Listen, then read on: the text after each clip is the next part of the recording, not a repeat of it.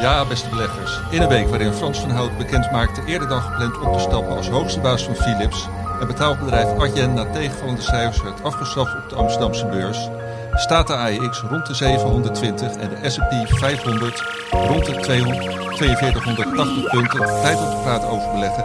Dit is voorkennis. There are three ways to make a living in this business. Be first, be smarter, or cheat. No, I don't cheat. Beleggersbelangen presenteert voor kennis. Ja, beste beleggers, leuk dat jullie weer luisteren. Ik, Johan Brinkman, mag vandaag weer de presentator zijn. En de gasten van vandaag zijn mijn collega's Hilde Leman en Karel Merks. Voor de laatste keer deze zomer heeft de podcast vandaag een iets andere op opzet dan uh, normaal. We behandelen namelijk weer geen twee of drie hoofdonderwerpen, maar eentje. En dat is uh, deze week de ETF-portefeuille. Uh, Vandaag zal ik samen met uh, Karel, uh, de beheerder van deze portefeuille, Hildo dus, uh, hierover kritisch ondervragen. Maar we beginnen zoals gebruikelijk met terugkijken naar de afgelopen week. En Hildo, ik begin bij jou. Wat is jou het meest opgevallen afgelopen week? Um, nou, wat niet alleen afgelopen week, maar ik, ik was dinsdag naar de conference call van TKH aan het luisteren. en wat mij opvalt, wat was, was me eerder ook al opgevallen, is um, dat uh, analisten vrij negatief zijn. Uh, ja. Terwijl uh, bedrijven over het algemeen niet zo heel negatief zijn. En in het geval van TKH zijn een aantal ontwikkelingen die, die ze de komende jaren geen windeieren zouden moeten leggen. bijvoorbeeld elektriciteitskabels. Ja, vertel, vertel even iets meer over TKH als je wil. De Twentse kabel staat oorspronkelijk voor, maar uh, of nou, ze, ze doen tegenwoordig. Dat is ook een beetje denk ik het probleem van het bedrijf. Ze doen van allerlei. Uh, ze doen allerlei verschillende technologische uh, onderdelen en, en, en, processen. Ze hebben software, hardware. ze doen bijvoorbeeld. ze leveren van die verlichting voor vliegvelden. Uh, maar bijvoorbeeld ook elektriciteitskabels, uh, glasvezelkabels, uh, machines waarmee banden gemaakt worden. Dus het is een heel divers, diverse scala aan producten. Wat, en dat maakt het misschien ook wat moeilijk om er, um, om er een vinger achter te krijgen. Dat, dat, dat, dat vond ik zelf, moet ik, moet ik zeggen, vind ik ook altijd lastig als ik over TKH schrijf. Omdat er zijn zoveel verschillende onderdelen van het bedrijf.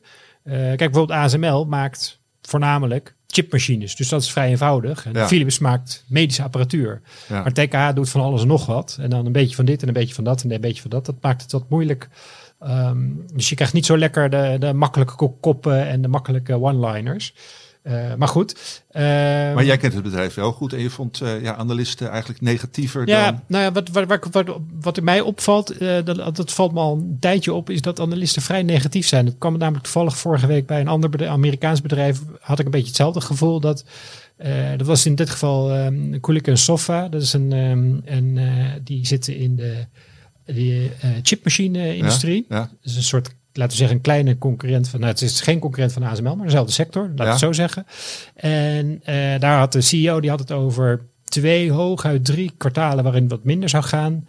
Uh, en um, dan zie je toch dat beleggers en analisten dat uh, eigenlijk, uh, daar eigenlijk van uitgaan dat het allemaal niks wordt. En dat zie je ook dan aan de waardering. Terwijl ik zou denken, ja, ach, twee à drie moeilijke kwartalen, hoe, hoe erg, erg, is dat nou? En op de lange termijn waren ze vrij optimistisch en volgens mij niet helemaal zonder reden. Dus ik vind het gewoon, uh, dat wat mij weer opviel, dat ik heel vaak zit... je ziet heel vaak van die schreeuwende headlines van dit is een drama, dit, dat is een drama. En als je dan gewoon wat dieper gaat kijken en, en naar de bedrijven zelf gaat luisteren, dan valt het vaak heel erg mee. Dus ja, maar Hildo, moet je bij analisten niet een beetje negeren wat ze roepen. Maar gewoon ja. meer even kijken wat ze doen. Dus ik bedoel, als ik, ik heb even gekeken. De afgelopen uh, 24 uur hebben meerdere analisten hun een update gemaakt over TKH. Uh, bijvoorbeeld ING Bank over 12 maanden 61, Berenburg over 12 maanden 63, Kempen over 12 maanden 68 en Bank de Groof Peters uh, over 12 uh, maanden 67. Allemaal ja. met koopadviezen. Ja. En we staan ruim onder de 40, dus het zijn rendementen van 50 tot 70 procent over 12 maanden. Dus die analisten stellen misschien hele kritische vragen. Maar ze denken wel meer dan 50 procent het komende jaar erbij. Wat ja. volgens mij heel enthousiast is. Ja, nee, dat, dat is kijk, dat, dat, het is natuurlijk eh, kijk, je wil natuurlijk de, de alders on, eh, in het gras wil je, die wil je eruit vissen. En dat, dat snap ik ook helemaal. Maar, maar op een of andere manier ehm, ontstaat er toch al snel een vrij negatieve sfeer. En ik moet zeggen, in de media eh, zie je toch heel, heel snel. En dat vind ik in de, bijvoorbeeld in de halfgeleidersector, waar het gewoon eigenlijk hartstikke goed gaat, vind ik dat, dat zo, eh, ook heel opvallend.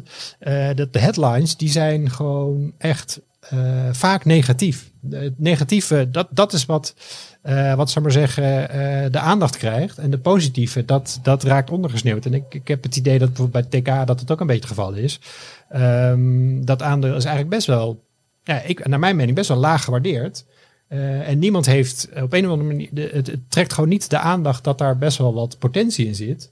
Ehm, dat trekt gewoon de aandacht niet. Dus al die koersdoelen, ja, daar zie je in de aandacht zie je daar niet van terug. Nee. Dus ze kunnen een koersdoel van 200 hebben. Niemand doet er wat mee.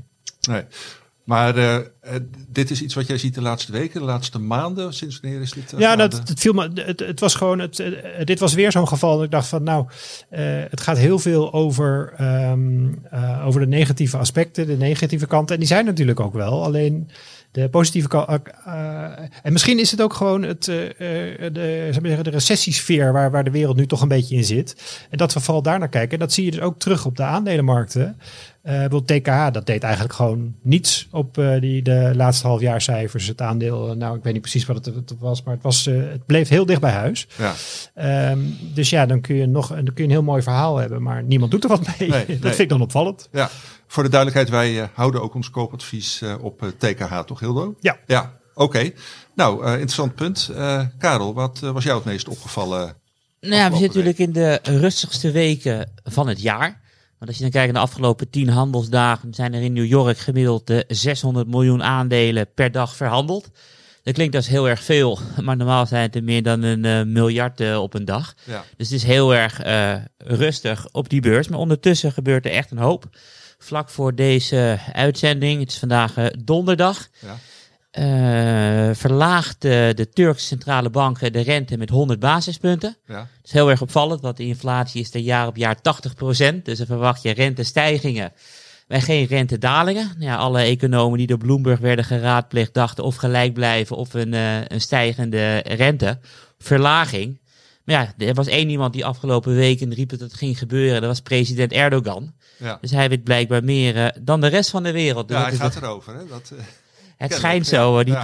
het schijnt zo te zijn. Dus de lira bereikte weer een nieuwe all-time low. En nu komt er even een heel rijtje aan van all-time lows en nieuwe all-time highs eh, afgelopen week. Vorige week zei ik energieprijzen. Die stonden toen, eh, nou ja, de elektriciteitsprijzen 1000% hoger dan twee jaar geleden. Nu is het ruim 11% hoger dan twee jaar geleden. Dus dat betekent dat wat er twee jaar geleden normaal was om aan elektriciteit te betalen, is er de afgelopen week alleen al bijgekomen. Ik denk dat dit een probleem is wat wa- sorry hoor, jij zei eerst was het, vorige week was het 1000% hoger en nu 1100. 11, 1100. Oh, Dus, 1100. Ja, ik ja. stond 11. Dus ik, Nee, nee, 1100. oké. eh, sorry, voor, Ja. ik moet duidelijker spreken. Het is 1100. ja, Dus ja, als er een 100 bij komt, betekent gewoon dat er een volledige elektriciteitsprijs van twee jaar geleden bij komt. ja. En dit gaan wij pas eh, in de winter merken. En ik denk dat dit een probleem is wat onderschat eh, gaat worden. Want we kunnen niet in één keer zoveel meer voor elektriciteit gaan betalen. ja. Eh, nou ja, dat, dat lijkt me inderdaad ook niet. Eh, tegelijkertijd zie ik links en rechts ook eh, berichten. Maar goed, dat zijn dan de bekende headlines misschien. Dat bedrijven er alles aan doen om nou ja, zich daarvoor in te dekken. Op, op een andere manier. nou ja, van andere energiebronnen gebruik te maken. Je ziet ook berichten dat, dat productie wordt, wordt stilgelegd. Dat, dat heb je natuurlijk ook. Maar ehm, ja, hoe, hoe realistisch is het dat die bedrijven en eh, instellingen die 1100 eh, procent eh, meer echt gaan betalen? Zullen, bedoel, Nee, kijk, het is natuurlijk niet realistisch, omdat je natuurlijk, we hebben bedrijven denken, ik heb dit in de toekomst nodig. En die kopen dat van tevoren in. Heel veel bedrijven hebben vaste energiecontracten. Heel veel huishoudens hebben vaste energiecontracten. Dus het rolt heel langzaam, rolt het over. Alleen, ik denk niet dat we er eh, niet gaan last van gaan krijgen. Het is gewoon een compleet, ehm, ja, een, een, een- zwarte box. Want je weet niet hoe, hoeveel lager de thermostaat gaat. Je weet niet hoeveel minder Poetin naar Europa gaat exporteren of, of meer. Dus het zijn allemaal onbekende dingen. Ja. En weet je, ik bedoel, op het moment dat wij een Elfstedentocht krijgen in Europa of in Nederland, hebben we echt een probleem. Maar het kan ook weer een warme winter worden. Ja, ja. Dus het is allemaal onbekende variabelen die de komende weken veel meer duidelijkheid gaan, eh, gaan nemen. Maar daar afgelopen week ook weer een nieuw all-time high in de prijs om goederen over de Duitse Rijn te vervoeren. ja, kan dat nog? Het kan nog, want ik bedoel, het ligt niet helemaal stil. Maar eerst konden schepen volledig worden beladen. En nu worden sommige schepen veel, kan veel minder mee met één schip, want dan ga je minder diep. Dus dat betekent dat die prijzen echt eh, door het dak heen gaan. Dan worden die prijzen per ton gerekend, neem ik aan. Ja, metrische ton. Oké. Dus het zijn wel eh, hele grote Ja. aantallen. Ehm, vorige week, nou ja, vorige week, vorige week vrijdag, dus nog in de afgelopen week van de podcast, werd bekend dat China de laagste staalconsumptie had gebruikt eh, van de afgelopen eeuw. Dus die hebben gebruiken ook steeds minder staal. En ik zal nu een beetje opschieten, want dan kunnen we verder. Nou ja, wat gebeurt er in tijden van onrust? Dan vluchten beleggers naar het enige land in de wereld dat altijd aan zijn eh, kapitaalverplichtingen heeft voldaan, Zwitserland. Dus we zien elke dag nieuwe all-time highs van de Zwitserse frank ten opzichte van de euro. Kijk, en ik begon het verhaal mee dat de volumes laag zijn. Want ik, en ik eindig het verhaal mee. Ik kijk heel erg uit naar eh, september, wanneer de grote beleggers, de grote institutionele beleggers weer terugkomt. En ik ben heel nieuwsgierig hoe ze gaan reageren op al dit nieuws eh, van de zomer. Want we hebben geleerd dat hoe het hoge volumes betrouwbaarder bewegingen opleveren dan de lage volumes in de zomer. Ja, ja, nou, september wordt zonder meer eh, erg eh, eh, interessant. Ehm, goed, eh, nou, dankjewel eh eh Karel. Ik laat het muziekje horen en dan gaan we daarna richting eh, ETF-portefeuille. Voorkennis. Eh, Niet ja. even het blad, Johan. Ah, het blad. Ja, Karel, jij wilt terecht graag vertellen, en dat geldt trouwens ook voor Hildo, eh, wat je afgelopen week in het eh, blad hebt geschreven. Dus brand los. Ik zal het heel kort houden. Twee weken geleden schreef ik een omslagverhaal waarin ik allemaal koopadviezen heb gegeven voor de vijf grootste oliebedrijven op de wereld. Op het forum eh, van beleggersbelangen kwam er een vraag binnen van Karel, maak er even een ranking van. Van aantrekkelijkste naar minst aantrekkelijke oliemajor. Nou ja, ik vind het heel erg leuk om eh, input te krijgen van de lezers van de beleggersbelangen. Dus dat was het onderwerp van mijn column.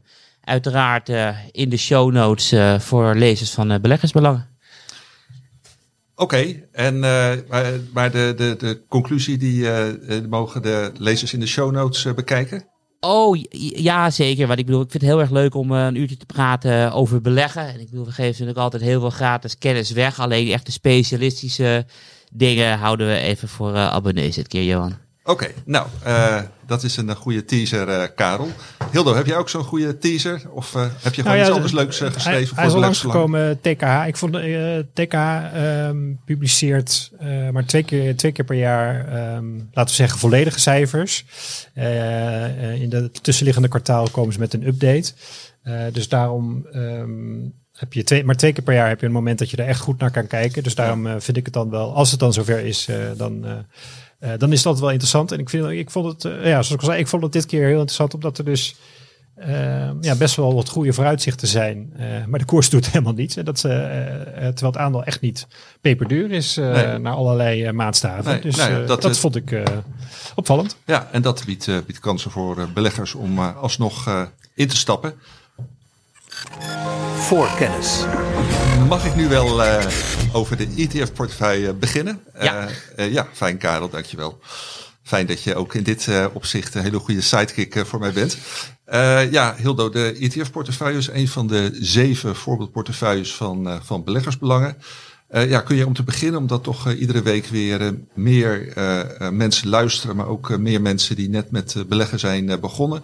Kun je om te beginnen uitleggen wat een eh, ETF precies is? Ja, ehm, ja, laat ik even beginnen. Stel je begint met beleggen, dan kun je ervoor kiezen om eh, gewoon een aantal aandelen te selecteren en misschien wat obligaties en vastgoed. Ehm, eh, maar dan kom je natuurlijk al eh, eigenlijk vrijwel direct op de vraag van welke aandelen dan. En dan moet je dus een aandelenselectie gaan maken. En dat gaat je tijd kosten. Je moet dan gaan kijken welke sector wil ik en binnen welke sector welke aandelen. Ehm, en eh, dat kost, gaat een hoop, dat gaat je een hele hoop tijd kosten. En stel dat je die tijd niet hebt en dat je daardoor maar op een hele kleine selectie uitkomt. Dus dat je bij vijf of tien aandelen blijft hangen.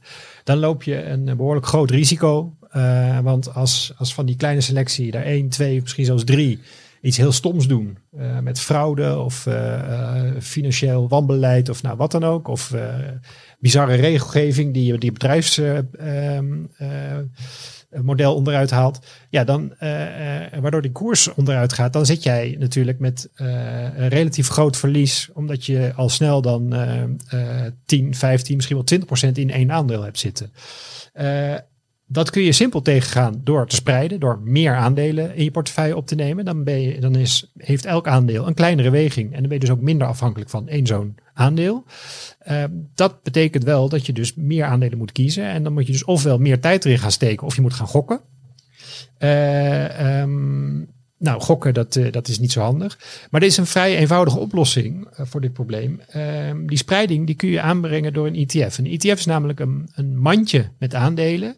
Eh, een mandje, dat, dat klinkt als het klinkt klein, maar daar, daar kunnen vele honderden aandelen in zitten in, in een ETF, zelfs ruim meer dan duizend. Ehm, eh, dat heeft dus als voordeel dat je met één transactie eh, ehm, al die honderden aandelen of duizenden zelfs eh, in je portefeuille kunt opnemen. Dus als jij ehm, ofwel niet zo ge- geïnteresseerd bent, of je hebt niet zoveel tijd, of je vindt de transactiekosten te hoog, of alle drie, ehm, dan kun je dus eh, zonder al te ingewikkeld te doen, kun jij gewoon best wel aardige aande eh, aandelenportefeuille of obligatieportefeuille, dat, of allebei, opzetten. Zonder daar heel veel voor te doen. Je koopt dus één ETF, je koopt er twee, je koopt er drie, je koopt er tien. Dat maakt dan niet zoveel uit. Je kan, eh, je kan een beetje spelen daarmee. Maar je, met, een, met een betrekkelijk klein aantal eh, transacties heb je een hele eh goede gespreide eh, portefeuille.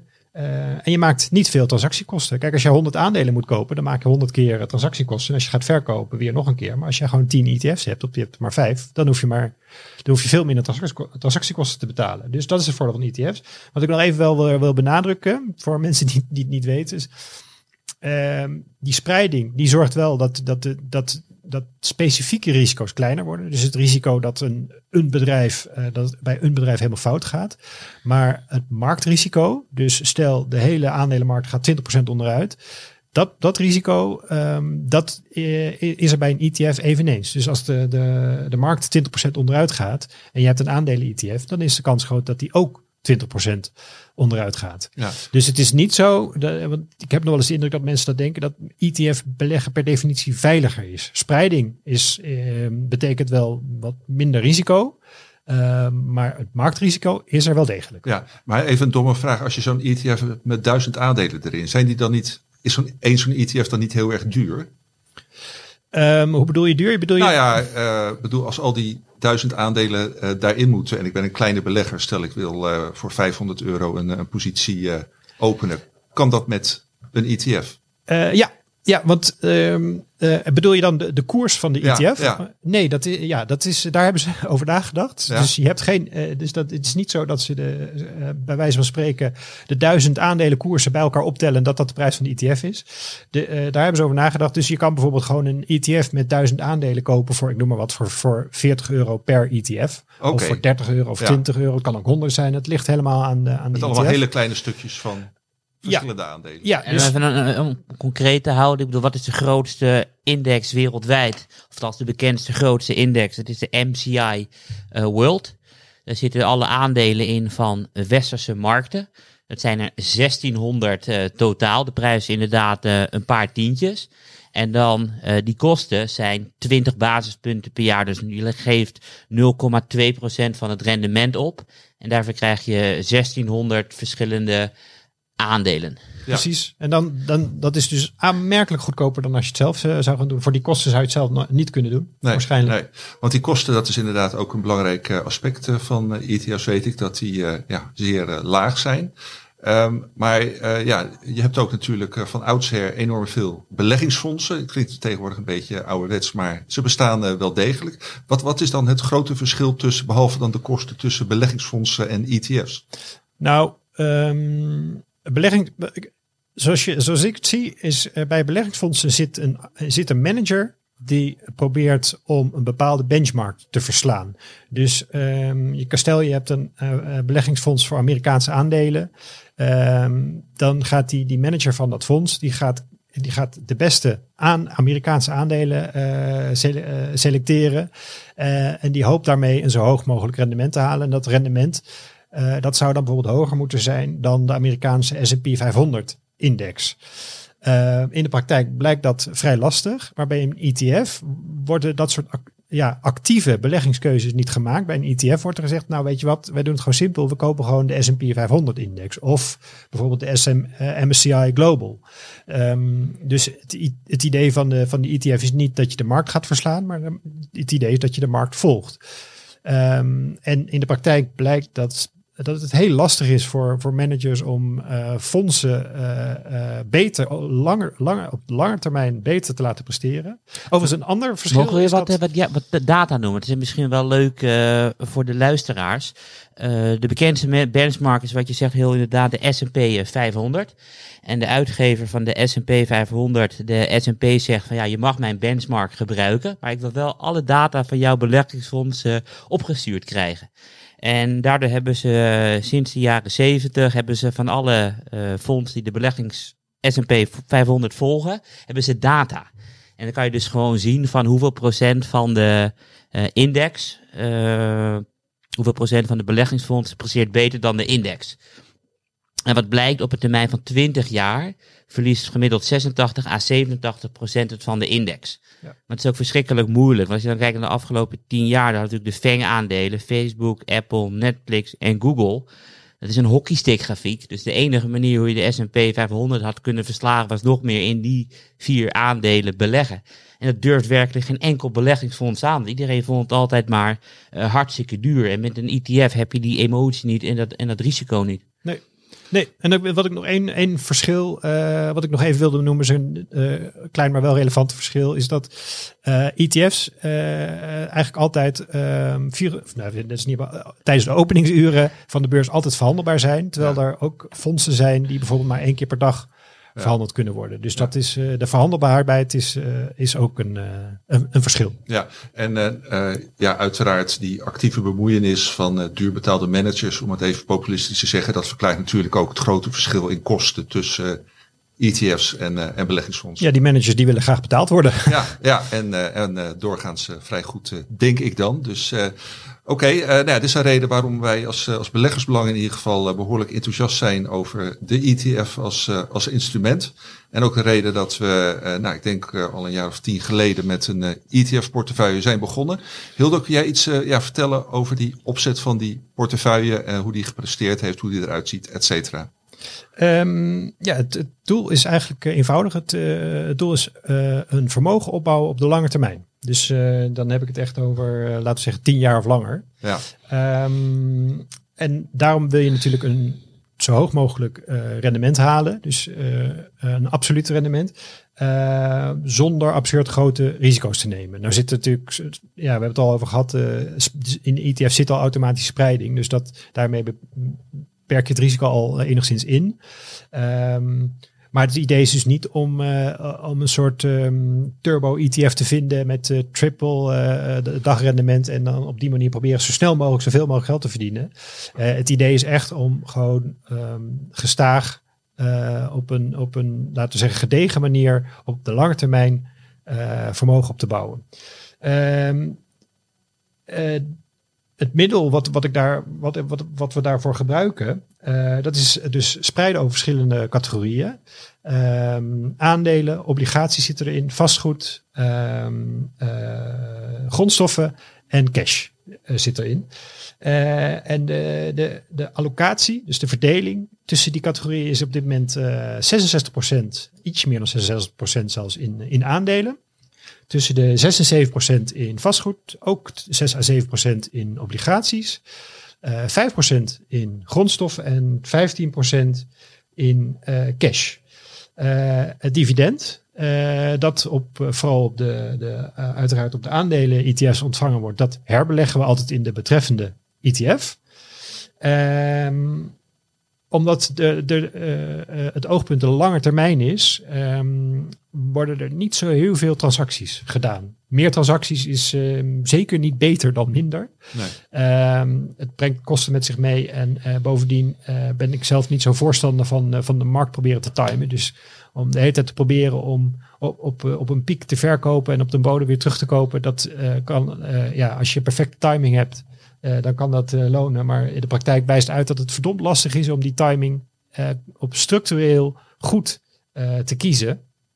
Dus minder, ik, eh, ja, er, er- zijn niet zo heel veel transacties vinden er plaats. En dat is is eigenlijk ook, eh, Eén per jaar? eh, één, één, ja, één à twee per jaar. Dan heb, Eén je het wel, heb je het wel een beetje gehad. En Ja. en hoeveel ETF's zitten er in de portefeuille? op dit moment 16. 16, oké. Ja. Ja, ja. En die, eh, die, die verdeling waarbij dan toch eh ja, 66% eh, in aandelen zit, dat is neem ik aan bewust. Waarom is, dat, is die verdeling zoals die is? Nou, op de lange termijn. eh, kijk, aandelen eh, leveren op de lange termijn eh, een, van, van de verschillende categorieën een relatief hoog rendement op. En als je de tijd hebt, wil je dus niet te weinig in aandelen zitten. Ehm, je zou kunnen zeggen, waarom zit je dan niet 100% in aandelen? Ja, dat, ja, daar kun je ook voor kiezen. Maar eh, het, het, het voordeel van spreiding is dat, eh, kijk, de toekomst, je weet niet hoe de toekomst loopt. Het, het kan zijn dat, eh, dat grondstoffen of vastgoed door, door het dak gaan. En dan, terwijl aandelen het, het om wat voor reden ook moeilijk krijgen. Ehm, dus, dus 100% zekerheid is er niet. Ehm, statistisch gezien zit je met aandelen wel goed. Dus dat verklaart ook het, de keuze voor, voor zo'n relatief hoog percentage in aandelen. Maar helemaal 100% zeker ben je niet. En daarom spreid je. Ehm, en bovendien geeft ook bijvoorbeeld obligaties. Ehm, het, is, nu een beetje een, ander, an- een beetje moeilijke markt, omdat we van een 0% rente eh, komen, eh, sfeer komen. Maar ehm, normaal gesproken, in een wat normalere markt, ehm, zijn, doen obligaties het in slechte tijden wat beter dan aandelen. Ehm, en de spreiding zorgt er dus ook voor dat, in, dat je in mindere tijden niet alleen maar eh, tegen dikke minnen aan zit te, kijken. Dus het brengt ook wat eh, geestelijke rust, om het zo maar te, Ja, te ja. zeggen. Nou, niet, eh, niet onbelangrijk. Ja. Ja. Hey, en nou hebben we de, pak het bij de laatste tien jaar natuurlijk eh, enorme evenementen meegemaakt in de wereld en ook op de beurs. Eh, eh, nou ja, corona om maar wat eh, te noemen, eh, maar ook eh, nou, de, de, de inflatiepiek, eh, rente die omhoog eh, gaat, eh, oorlog. Hoe, hoe heeft die eh, portefeuille zich eh, de afgelopen eh, tien jaar gedragen qua rendement? Ja, het, het eh, totaalrendement zit op bijna 75 procent. dus dat is, ehm, ja, ik denk, ik denk niet, niet onaardig. Het eh, bestaat nu ongeveer acht jaar. Ehm, dus dat, eh, ja, dat is wat mij betreft geen onaardig rendement. Zeker als je bedenkt dat, eh, ehm, dat er een behoorlijk percentage cash in zit. En het cash dat levert gewoon niets op. Nee. Dat is bekend. Dat, eh, dus, daar, zal, eh, daar zal verder niemand het mee ons oneens zijn. Dat, eh, dat cash al jaren niks oplevert. Ehm, dus gegeven de, ehm, de, zullen we zeggen, de allocatie, de verdeling, eh, is het eh, lang niet slecht. En ja, eh, aandelen hebben natuurlijk begin 2020 met die, met die crash. Ja, dat, dan, dan zie je dat de ETF-portefeuille iets beter dan gemiddeld doet. Maar het is ook weer niet zo, dat, zoals ik al eerder zei, het is niet zo dat, dat ETF's immuun zijn voor dat soort crashes. Als, als aandelen 30% onderuit gaan, zoals toen met de, met de corona-crash, ja, dan gaan de aandelen-ETF's, eh, verschillende aandelen-ETF's, ja, de een gaat dan min 20% en de ander misschien eh, min 40%. Ja, Ehm, ja. Dus, ehm, ja, dus daar, daar, daar zie je, dat zie je op die ETF-portefeuille ook. Alleen door de verdeling over verschillende categorieën zie je wel wat demping. Dus Ja. als het heel hard omlaag gaat, dan doet die ETF-portefeuille het beter. Gaat het heel hard omhoog, op de aandelenmarkt om het zo maar te zeggen. Dus, dus gaat, eh, gaat de, de AX en de S&P 500, spuiten die allemaal weg. Eh, dan zie je dat die ETF-portefeuille achterloopt. Ja, Wederom maar door de heb je verdeling. In die, in die zeven jaar er een eh, verliesjaar eh, tussen zitten? Of eh, zijn eh, is alles... eh, Ehm, volgens mij, ik zit even te denken. Ja, daar zit. Ik zit even te denken. Ik denk 2018. Toen Ja. ging het op het laatst ging het. eh, behoorlijk mis op de aandelenmarkt. ja, en, ja, Het, en het eindigde zo'n beetje op het dieptepunt. ja, ja. Tweede Eh, kerstdag. Ja. Eh, het herstelde er die, die dagen daarna wel ietsje, maar niet, Ja. eh, niet genoeg om eh, op een plus uit te komen. Ja. Dus als ik het goed had, is 2000. Maar ja, En volgens mij 2020 was ook niet heel best. Ik weet niet exact meer het rendement. Het was niet heel, heel verschrikkelijk, maar het was ook niet, niet echt goed. maar goed, des te knapper dat je in een periode van zeven jaar toch ja, zo'n mooi rendement hebt gehaald. In ieder geval, ja, volgens mij boven het historisch gemiddelde wat je met aandelen over een hele lange periode toch kan behalen, eh, Karel. Want dat is, dacht ik, zo'n 7% eh per jaar. Klopt. Ja, Eh, dus maar er zit, daar zit het wel redelijk dicht in de ja, buurt nee, hoor. zeker. Dus eh, eh, nou ja, des te knapper dat dat eh, gehaald is. Ook inderdaad met zo'n aandeel cash en eh, eh, eh, andere assetcategorieën dan, eh, dan aandelen. Oké, en ehm, ja, eh Karel, ik wou eventjes eh, eh, naar jou toe gaan. Want ja, we ondervragen hier Hildo als de beheerder van de ETF-portefeuille. Maar Klopt. Jij bent ook een, een absolute specialist in ETF's eh, in het verleden. Samen met, met Steffen ook opleiding gegeven waarin ETF's een hele belangrijke rol Klopt, nog steeds gratis toegankelijk op de website van Beleggersbelangen voor de abonnees. De Ja. opleiding ETF beleggen. Ja, Links ja, onderin in de menubalk zit een knopje Academy. Ja, Dus de, de abonnees kunnen daar de video's kijken en de vragen beantwoorden en het werkboek eh, doorwerken nog steeds. ja. En ehm, ja, wat, eh, eh, wat, wat, eh, wel- welke plaats nemen ETF's eh, ja, voor jou op dit moment in, in jouw eh, beleggingspraktijk? Wat zie je als, als kansrijke ETF's? Eh, waar denk je van, je kan beter met individuele aandelen beleggen? Oh, dat is een hele eh, moeilijke vraag om, om- hoe je hem stelt. Want ik denk dat het bij je moet passen. Du- Dus, dus in de zin van, ehm, ik ben bijvoorbeeld heel erg enthousiast over alles wat te maken heeft eh, met fossiele brandstoffen. Zal ook het artikel in de, in de show notes zetten. Dus dan vind ik een ETF heel erg interessant, omdat je dan niet het risico hebt van een individueel aandeel, maar wel kan profiteren eh, van de hele sector. Want vaak hebben mooie, mooie bedrijven hebben ook wel eens een probleem. Want ik kan in 2004 herinneren dat ik gewoon altijd mijn boodschappen deed bij Albert Heijn. En opeens had Albert Heijn of Ahold boekhoudfraude gepleegd. Zag ik niet aankomen. Nee. In 2005 had opeens eh, Shell een eh reserveschandaal. Die loog over het aantal eh, olievaten dat ze zouden hebben. Dus om al dat soort risico's eruit te halen, is een ETF een hele mooie keuze. Ehm, en je noemt naar bepaalde eh, sectoren. Het is ook wat, eh, wat de belegger wil. Dus ik bedoel, in 2019 schreef ik bijvoorbeeld van iemand die gewoon geen tijd wil besteden aan beleggen. Ja. Die koopt eh, de MCI World ETF van iShares. Ja. Geloof 10 of 15 basispunten per jaar, dus 0,1, 0,15 per jaar, wat heel erg goedkoop is. En als je dan kijkt naar eh, westerse aandelen, die hebben echt een track record van vele eeuwen. En het maakt niet uit of je kijkt naar de 17e, 18e, 19e of 20e eeuw. Ze maken iets meer dan 7% per jaar, wat met een rente op rente 100% per 10 jaar is. En je Ja. hoeft er geen aandacht aan te besteden en je kan het lekker op de plank Ja.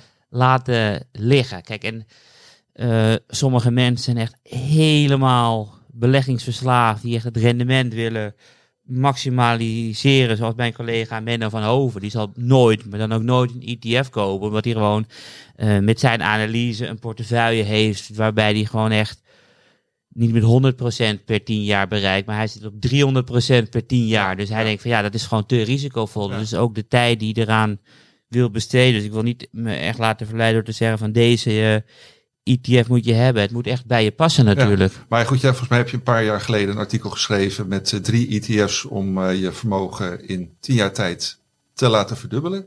Ja, ik had geschreven de drie beste ETF's voor de komende 10 jaar. Oké. Weet je, en toen de tijd was... welke ETF's waren dat dan? Dat waren eh, cloud en kunstmatige intelligentie van Wisdom Tree.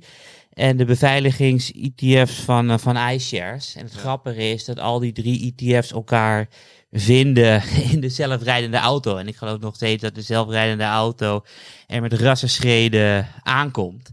Ja. En toen de tijd schreef ik ook in dat artikel van stel dat er meerdere eh, voertuigen eh, op een kruising afkomen. Dan moeten ze natuurlijk met elkaar overleggen. Wie, wie gaat eerst? Wie geeft de voorrang? Ja. Hoe hard ga je? Het is allemaal kunstmatige intelligentie. Dus dan moet je gewoon bedrijven hebben die gewoon die auto's met elkaar leren communiceren. Ja, ja. Maar ja, wat je dus niet wil, is dat het een of andere kwaadaardige hacker de auto hackt en Nee. zegt van ja, we gaan ze allemaal op elkaar laten crashen. Dus je hebt ook gewoon eh, bedrijven nodig die gewoon echt die auto's beveiligen. Ja, ja. Weet je, dat was het thema. En je ziet nu gewoon dat die beveiliging eh, bedrijven op nog veel meer eh, manieren profiteren. Want er is natuurlijk ook een cyberwar gaande tussen Oekraïne en Rusland en tussen Taiwan en China. Dus die beveiligingsbedrijven profiteren daar nog veel meer van. Ja, ja. Ja. ik bedoel, kijk, en wat doen mensen als zij in een zelfrijdende auto zitten? Dan gaan ze niet naar buiten kijken, dan gaan ze niet met elkaar praten, dat doen we ook niet met een café. Dan gaan we gewoon lekker op je computer zitten, of je gaat Netflix kijken, of je gaat andere dingen doen. Oftewel, je hebt veel meer cloudbedrijven nodig, dus je hebt ook heel veel cloud nodig. Ja. Dus ik bedoel, en die drie ETF's geloof ik echt op de komende tien jaar schreef ik, wat het gewoon een lekkere titel is. Maar ik geloof ook wel in de komende twintig jaar, want het blijft maar, maar doorgaan. Het zijn zulke lange trends. En, wat, en alles heeft natuurlijk weer chips nodig. En dan vraag je even aan Hildo, hoe ziet de chipwereld eruit? En dan bevestigt hij ook alleen maar dat het ook weer, weer goed zit. Ja, dus eh, om op langdurige trends in te spelen met ETF, dat is wel gewoon iets wat jij, wat jij ziet zitten. Klopt. Alleen het is wel even heel noodzakelijk om die ETF's goed uit elkaar te trekken. Laat ik het zo maar eventjes noemen van Ja. wat zit erin. Ja, Want je had natuurlijk vroeger, ehm nee, ik, ik weet toevallig als voorbeeld, in, het heeft niks met technologie te maken, maar het levert wel de luisteraar het punt waar ik naartoe wil. Eh, stel je kocht een, eh een ETF met Finse aandelen. ja, Dan was 80% van die ETF was aandelen Nokia, omdat gewoon Nokia zoveel groter was Ja. dan andere bedrijven. En dat wil je niet, want op het moment dat met Nokia aan de hand is, is er ook wat met de ETF aan de hand. Het maakt niet uit hoe groot die technologiebedrijven groeien. En daarnaast zijn er ook heel veel aanbieders die denken van, oh, laten we even marketing doen. Dan hebben we het over eh, kunstmatige intelligentie. En dan kan werkelijk elk groot Amerikaans technologiebedrijf erin.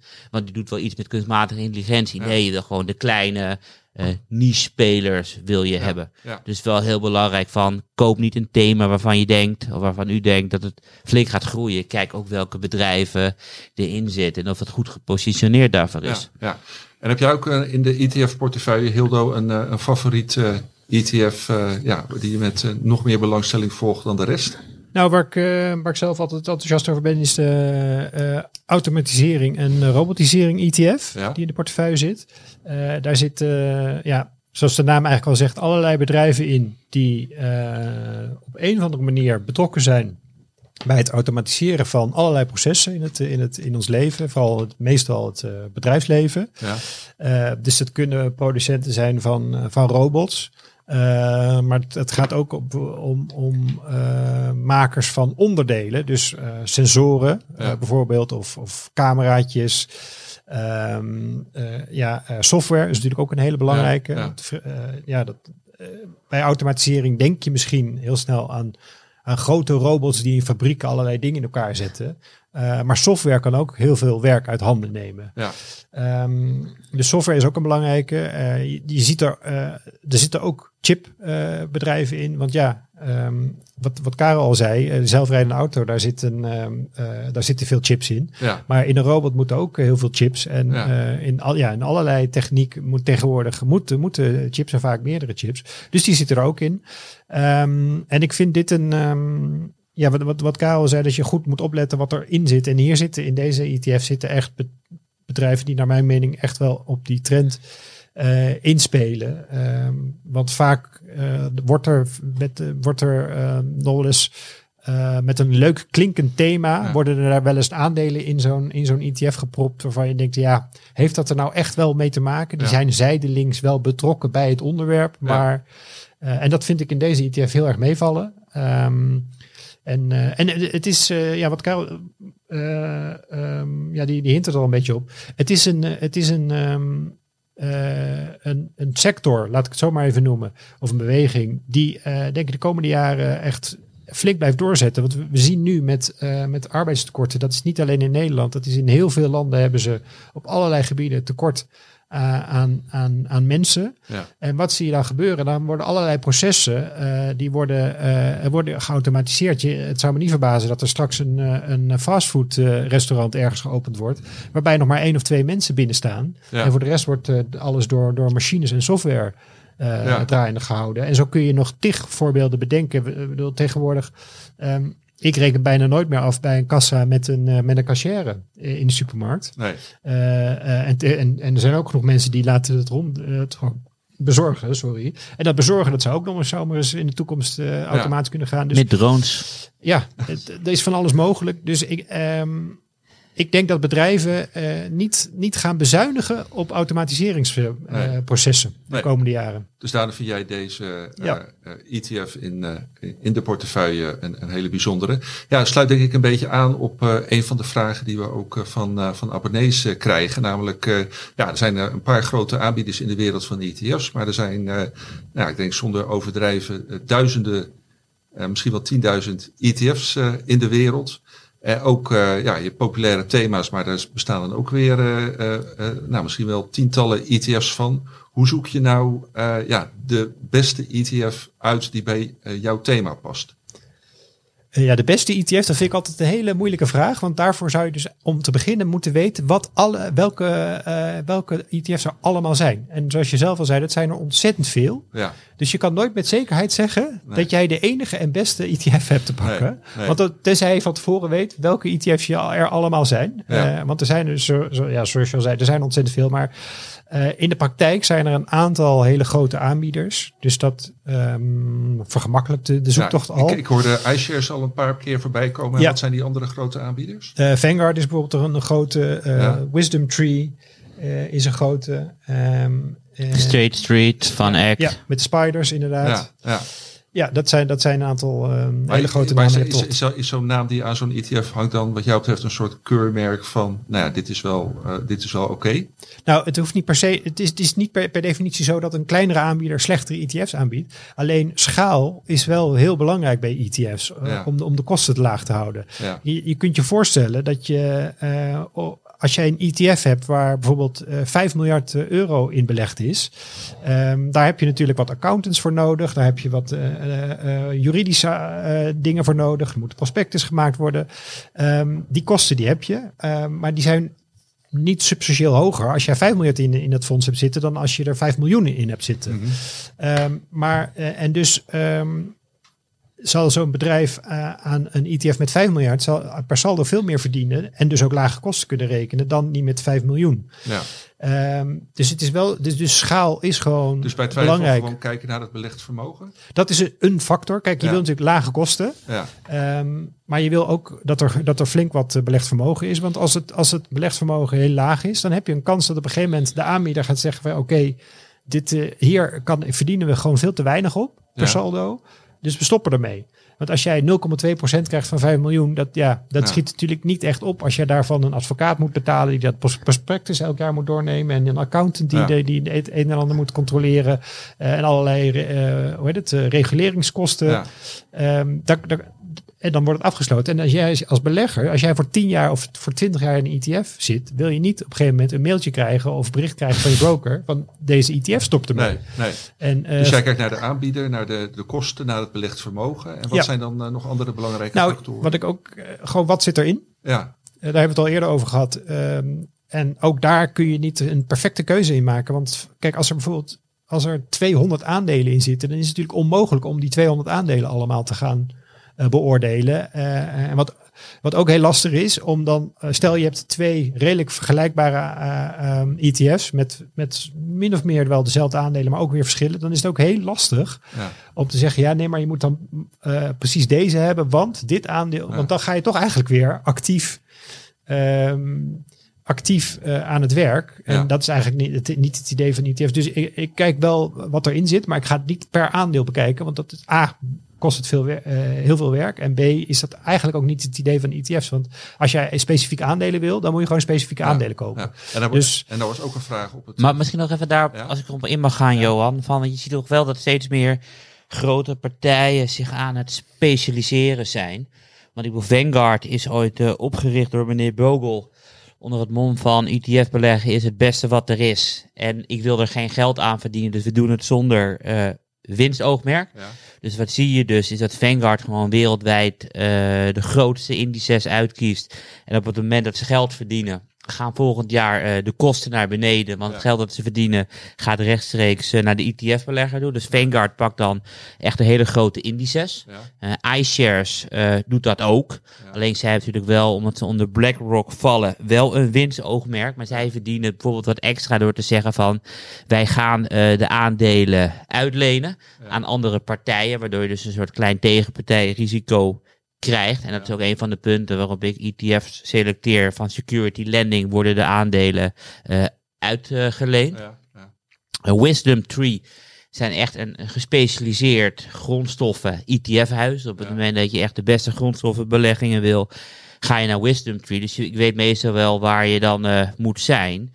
En als ik dan eventjes kijk, had hij de zeven punten opgeschreven waar ik dan altijd naar kijk. En een van de dingen die nog niet voorbij is gekomen bij Hildo was eh, tracking difference. En tracking difference is dus wat is het rendement wat eh, de ETF behaalt, bijvoorbeeld de AX-ETF, en wat is het rendement van de AX. Ja. En die leg ik dan over elkaar heen. Ja. En soms blijkt dat eh, de ETF helemaal niet goed een bepaalde index trekt. Nee. Dat er gewoon wat tracking error is. Het is altijd wel goed om, eh, om naar te kijken. En daarnaast is het ook van de, de replicatiemethode. Want de ETF kan natuurlijk de aandelen eh, kopen. Ja. Maar je kan het ook op een eh, synthetische manier doen. Dat is dat je dus met een zakenbank een, een transactie afspreekt. Dan gaat de belegger long via de ETF.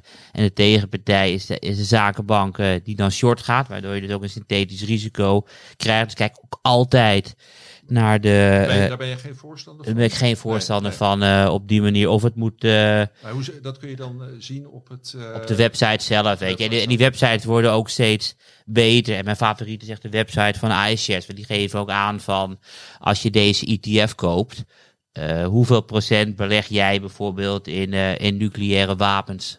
Want de S&P 500 zitten meerdere wapenfabrikanten in. Dus als je die S&P 500 koopt, steun je ook kernwapens, eh, clusterbommen, et cetera. En dan krijg je dus het percentage van je belegging Ja. wat daarin zit. En tegenwoordig gaat het zelfs zo ver dat dit jaar ook de CO2-uitstoot is. Dus hoeveel CO2-uitstoot Ja, ja. geven de bedrijven waarin je, in je belegt. Dus dat zijn nog dingen, dingen die ik wou eh, toevoegen aan het verhaal eh, van Hildo. Ja, en ja, wat ik nog aan Hilde wou vragen, van, ook een vraag op het forum was, is er een soort tool waarmee je als eenvoudige particulier gewoon eh, goed kan eh, zoeken over welke ETF je kan hebben? Ken jij die? Nee, Nee.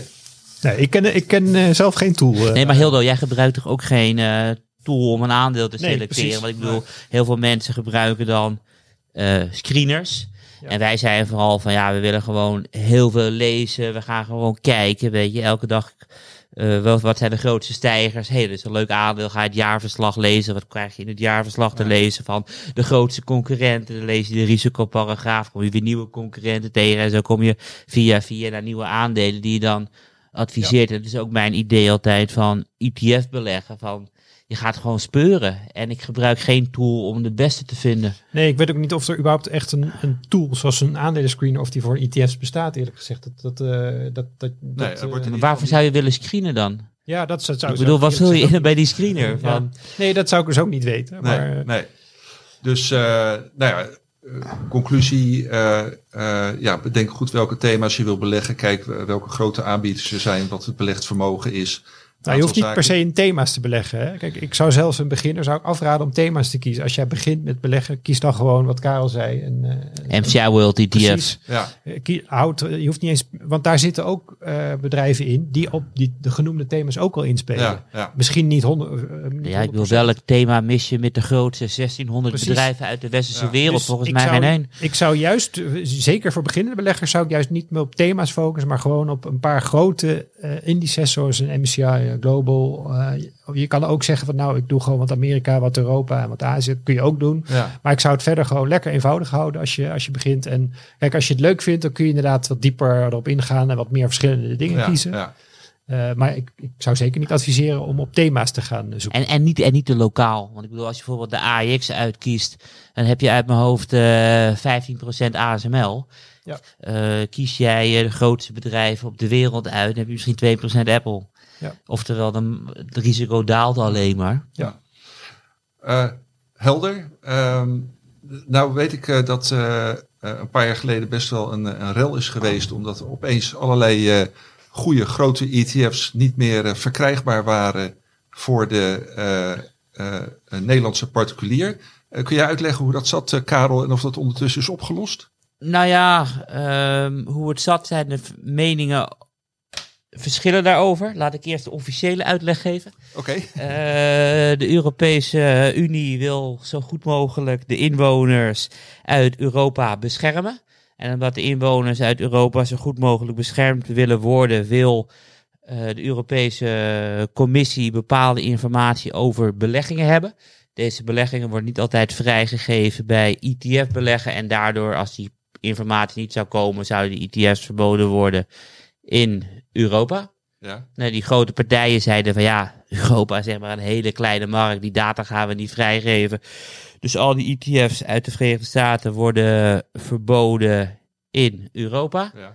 Dat is de officiële uitleg. En ik denk van ja, eh iShares en Vanguard eh, met hun biljoenen onder beheer zijn verschrikkelijk betrouwbare partijen. Dus het is eh, een onzinargument. En ik denk dat we gewoon onze eigen Europese eh, financiële instellingen een, een duwtje in de rug willen geven om te kunnen meedoen op het toneel door gewoon hun eigen ETF's te emitteren. Ja. Maar dat is mijn mening, niet de officiële. ja. Deel jij deze analyse, Hilde, of zie je eh, ja, taal. De, Karel had het niet over, maar dat weet hij ongetwijfeld wel. Taal was ook een factor. Dat moet Ja. dan aangeboden worden in de lokale taal. Ja, Eh, wat ik zelf, eh, kijk, Engels. Nou, ik, ik durf te wedden dat eh, in Nederland, zeker bij de, bij de beleggers, dat dat, dat nou 80, 90 procent eh, gewoon de Engelse taal Hey, redelijk goed machtig is. Maar, maar heel wel, weet je, ik bedoel, ik lees af en toe ook gewoon Koreaans, Ctrl-C, Ctrl-V in, in, in Google Translate. En ja, ik maar bedoel, ik kan me voorstellen dat Ja. bij, bij een factsheet Ja. dat dat wat, eh, wat, wat lullige vertaalfouten Ja, zou kunnen opleveren. Maar, maar ja, inderdaad, kijk, eh, eh, eh, Engels, ik heb er geen enkel probleem mee. En ik denk de meeste van de mensen die nu aan naar ons zitten Nee. luisteren ook niet. nee. Eh, en misschien, het kan inderdaad heel fijn zijn als het in het Nederlands is. Maar als jij een hele interessante ETF ziet, dan ga je die niet, niet kopen omdat de factsheet in het Engels is, Nee. wat mij betreft. Dus Nee. ja, ik nee, maar het ook even, geen... even eh, heel praktisch. Van, eh, nou, ik wil, eh, ik, noem maar wat, een goud-ETF eh, kopen. Nou, volgens de eh, criteria die jullie net eh, hebben genoemd, ga ik, eh, kom ik bijvoorbeeld op de, op de website van Vanguard terecht. En dan zie ik een leuke goud-ETF, eh, waanzinnig veel eh, belegd vermogen, lage kosten. En dan kan ik die niet kopen? ehm, dat klopt. Ja, het, waar je even de, de gouden letters in dit geval zijn voor als Nederlandse belegger zijn UCITS, U-C-I-T-S. Ja, Ehm, als, als dat erbij staat, dan kun je het kopen. En het is wel heel erg fijn dat de Europese regels ook eh, verplichten om het in de titel op te nemen. ja, Dus je hebt bijvoorbeeld eh, de iShares Euro Corporate Bond Large Cap Usage Ja. ETF. En dat zijn die extreem lange namen die iedereen Ja. altijd afkort. Maar het moet Ja. officieel moet het er altijd bij. Ja. Dus je ziet ook op de aanbieder echt die enorme lange namen staan. Dus als Ja. Erin staat, dan is het gewoon voor de Europeanen. maar, maar dat zijn dan Amerikaanse ETF's, maar die dan een soort... eh, Nee, dat zijn gewoon. Er kunnen twee soorten ETF's zijn. A, Amerikaanse ETF's die volledig aan de regelgeving eh, voldoen. Want er een usage in de naam. Ja, Ja. Dat zie je dus zelden gebeuren, omdat je gaat geen eh usage ETF in de Verenigde Staten noteren. Want Nee. dat ziet er wel heel vreemd uit. Dus in, Ja. de, in de praktijk wordt er een soort zusterfonds opgericht. Dus ja. gewoon met een aparte notering Ja, in Europa. Alleen het is wel heel erg lastig. En dan zie je dus dat er gewoon een fonds staat van 20 miljard in de Verenigde Staten. En 200 miljoen in Europa. Met hogere kosten uiteraard. Want de kosten zijn natuurlijk voor de Europese inwoners en niet voor de Amerikanen zelf. nee, nee. Ja. Dus, ik, dus mijn advies is wel, als we in ETS beleggen, zorg wel altijd dat er minimaal een miljard in zit. Ja, Dan heb je dit soort dingen niet. nee. En er zijn er genoeg van er tegenwoordig in Europa met Ja. meer dan een miljard beheerd Ja. vermogen. Maar toen dit speelde, Hildo, hoe hebben, hoe hebben jullie dat toen voor de ETF-portefeuille opgelost. Want daar zaten eh, ja, Amerikaanse ETF's in die eigenlijk van de ene dag op de andere niet meer eh, te verkrijgen waren. Nou, ze, eh, je mocht ze niet meer kopen, je mocht ze wel verkopen. Ja, Ehm, Gelukkig en- wel. Ja, dat, dat zou helemaal lullig zijn geweest. En ehm, die, toen hebben we dus besloten om die, eh, die betreffende Amerikaanse ETF's eruit te doen. Eh, omdat het anders voor mensen die eh, na dat moment eh, de ETF-portefeuille zouden, zouden willen volgen, dan eigenlijk dat niet meer zouden kunnen doen. nee. Want als je erin zat, had je het mogen houden. Klopt. Dus we hadden het aan kunnen houden. Alleen, eh, dat is een beetje flauw voor nieuwe mensen om te zeggen van ja, het, ja, maar had je maar eerder moeten zijn. Dus hebben we besloten om die Amerikaanse ehm, eh, ETF's die dus niet meer eh, aan de eisen, Europese eisen voldeden, om die eruit te gooien, die te verkopen. En daarvoor vervangers te zoeken die, laten we zeggen, zo dicht mogelijk in de buurt. Oké, dus de ETF-portefeuille is al aangepast aan eh, ja, de dat is al regelgeving. eh, nou wat zal het zijn, Eh, vier jaar geleden inmiddels. eh, ja. is al een Maar het is wel opvallend dat we storm ermee veroorzaakt is. Want natuurlijk een petitie hadden we gedaan toen de tijd. Ja, En volgens mij in één keer echt vele duizenden reacties Ja. van beleggers die denken van, waar slaat het op? Ik ben echt niet blij. Ja, Ja. maar zeker, zeker het, het aanbod wordt voor mij wel beter in Europa. Maar zeker toen Ja, waren klopt. best Het aanbod wordt ETF's. beter, maar de, de Amerikanen zijn nog altijd goedkoper. En op het Ja. moment dat jij serieus geld hebt en je betaalt geen 0,1 per jaar, maar 0,3, Ja. dan lijkt 0,3 niet zoveel. Maar als je 0,2 jaar in als je jaar 20 uit jaar in zit, ja, dan, van een grote portefeuille maakt het heel veel uit. Ja. en dan heb Ja. ik het nog niet eens gehad over rente op rente. Ja. Ja. en zoals ik al zei, schaal in zijn, in zijn woorden. Dus hoe groter je bent, hoe lager je kosten kunnen worden. Ja, ja. Ehm, dus Dus ja. het is wel degelijk een, eh, een nadeel. En overigens, ja. ja, die petitie die hebben we wel eh, onder de aandacht gebracht bij eh, de eh, relevante partijen. Maar eh, ja, heeft helaas niet eh, mogen baten. Maar eh, nou, we blijven als beleggersbelangen wel eh, er voorstander van dat de Amerikaanse ETF's weer voor de Nederlandse particulier verkrijgbaar worden. Heer, heer. Eh Hildo, tot slot, hoe eh, de, de ETF-portefeuille in dit roerige jaar eh, 2022, hoe houdt die zich? Nou ja, naar mij, eh, ik vind het eh, keurig, laat ik het zo zeggen. Hij staat op een klein verlies. Laten we, laten we zeggen een procent of 2, 3 is Ja. het. Eh, en dat is gegeven de, de beurs. Maar eh, eh, is dat denk ik best wel aardig. Maar dat is wat, wat ik al eerder zei. Dat komt natuurlijk ook omdat eh, niet alles in aandelen zit. Want binnen de, binnen de portefeuille zijn er wel een paar ETF's die flink op een donder hebben gekregen. Onder andere die automatisering en robotisering. Ja. Dat, en eh, ook een, eh, een tech-ETF, een eh, Amerikaanse tech-ETF. Ja, Eh, ja, die twee die hebben het natuurlijk gewoon slecht gedaan dit jaar. Eh, maar er zijn ook een aantal ETF's die, eh, die het relatief goed gedaan hebben. En cash, ja, cash daar verlies je, daar win je natuurlijk niks op. Nee, maar je verliest nee. er ook niet op. nee, maar wat zijn die ETF's die eh, dit jaar uitblinken? Ehm, even, even kijken wat de beste. Ik zal even bijpakken. Ehm, de, de beste is dit jaar de US Dividend Aristocrats. Dus Ja, eh, de ja. dividendaandelen. eh, ja, dat is op zich niet zo Maar heel vreemd. ook puur een, een valutaplay, toch? Ja, Dat op het moment dat eh euro 15% naar beneden gaat, heb je meteen 15% eh valutakoersen Ja. erbij. Ja, Maar je zag bijvoorbeeld ook ehm, UK dividend, wat veel minder eh, valuta effect is. Maar daar, daar UK dividend, daar zitten natuurlijk heel veel grondstofbedrijven Ja, in, ook ja. olie. Ja, heel En, goed dit jaar. en die, die, die doen het dit goed. Dit, dus die staat ook er relatief ehm, goed voor. Ehm, dus ja, de, de, de verschillen zijn, eh, zijn, er zitten flinke verschillen.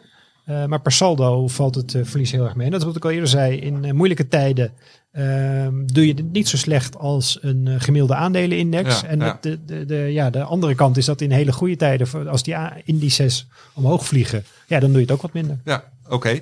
Helder. Nou ja, abonnees, wilt u meer weten over de ETF-portefeuille? Hildo heeft voor het beleggsbelangen van deze week weer een periodieke update gemaakt met belangrijkste ontwikkelingen. En eh, de gehele portefeuille die staat eh, bijgewerkt op de website. En eh, voor niet-abonnees, die moeten al dat moois eh, eh, nog eventjes missen, tenzij ze een eh, proefabonnementje afsluiten of iets dergelijks.